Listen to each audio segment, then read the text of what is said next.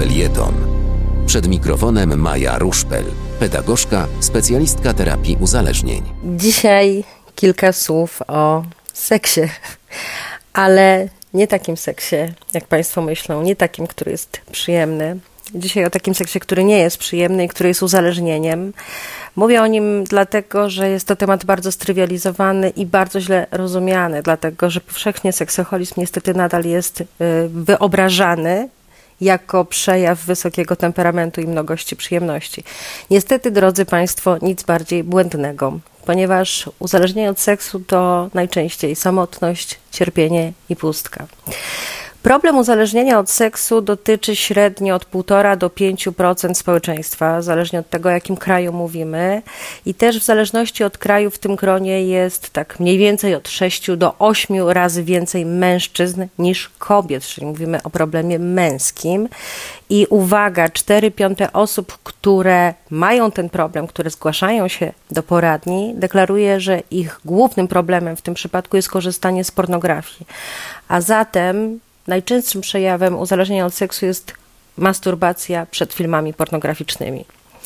I teraz pytanie ciekawe, dlaczego to zjawisko zaczęło narastać w naszych czasach?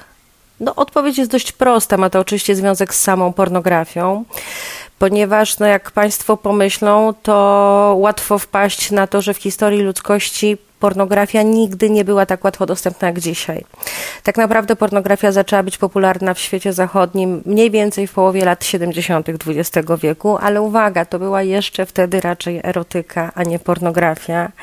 Raczej dostępna w postaci czasopism. Dopiero później zaczęły się rozwijać filmy, filmy pornograficzne na DVD i na VHS ale z czasem porno ewoluowało i stało się coraz bardziej dostępne, oczywiście przez internet. Kiedyś trzeba było wybrać się do kiosku, by kupić tak zwanego świerszczyka. Dzisiaj wystarczy po prostu usiąść przed biurkiem i odpalić neta.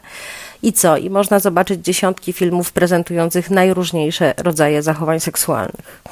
Zgadnijcie Państwo, jak Polacy korzystają z tych stron. W Polsce przeciętnie 30% użytkowników stanowią kobiety, 70% mężczyźni i średnio wizyta na takiej stronie trwa około 10 minut, co łatwo zinterpretować, prawda? Dlaczego to jest taki krótki czas?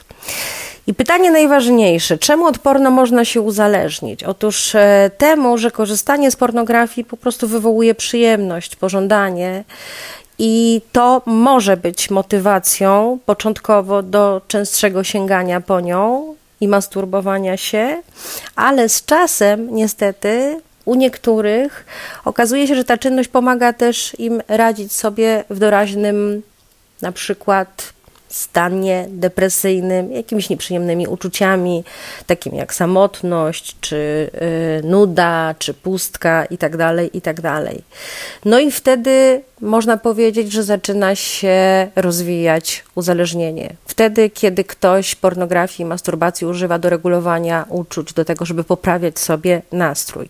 I w tym sensie można to przyrównać do uzależnienia i faktycznie uzależnienie od seksu jest nowym uzależnieniem, uzależnieniem behawioralnym, bo jest to po prostu najczęściej ucieczka od trudnych emocji.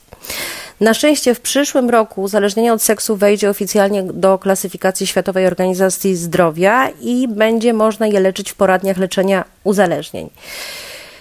To jest dobra wiadomość. Ja mam nadzieję, że za tym pójdzie także dobra edukacja seksualna, która będzie pozbawiona tabu, w, którym, w której otwartym tekstem będziemy mogli rozmawiać, czym jest pornografia, na ile ona odzwierciedla realne życie i jaki ona może mieć wpływ, szczególnie na osoby młode, które e, nie posiadają edukacji seksualnej ani doświadczeń seksualnych. Mam nadzieję, że to moje marzenie o dobrej e, edukacji seksualnej nie będzie tylko idealistycznym marzeniem, no ale jak będzie, czas pokaże. Na www.haloradio ukośnik SOS wspieraj niezależne Halo Radio, które mówi wszystko. www.halo.radio ukośnik SOS Dziękujemy.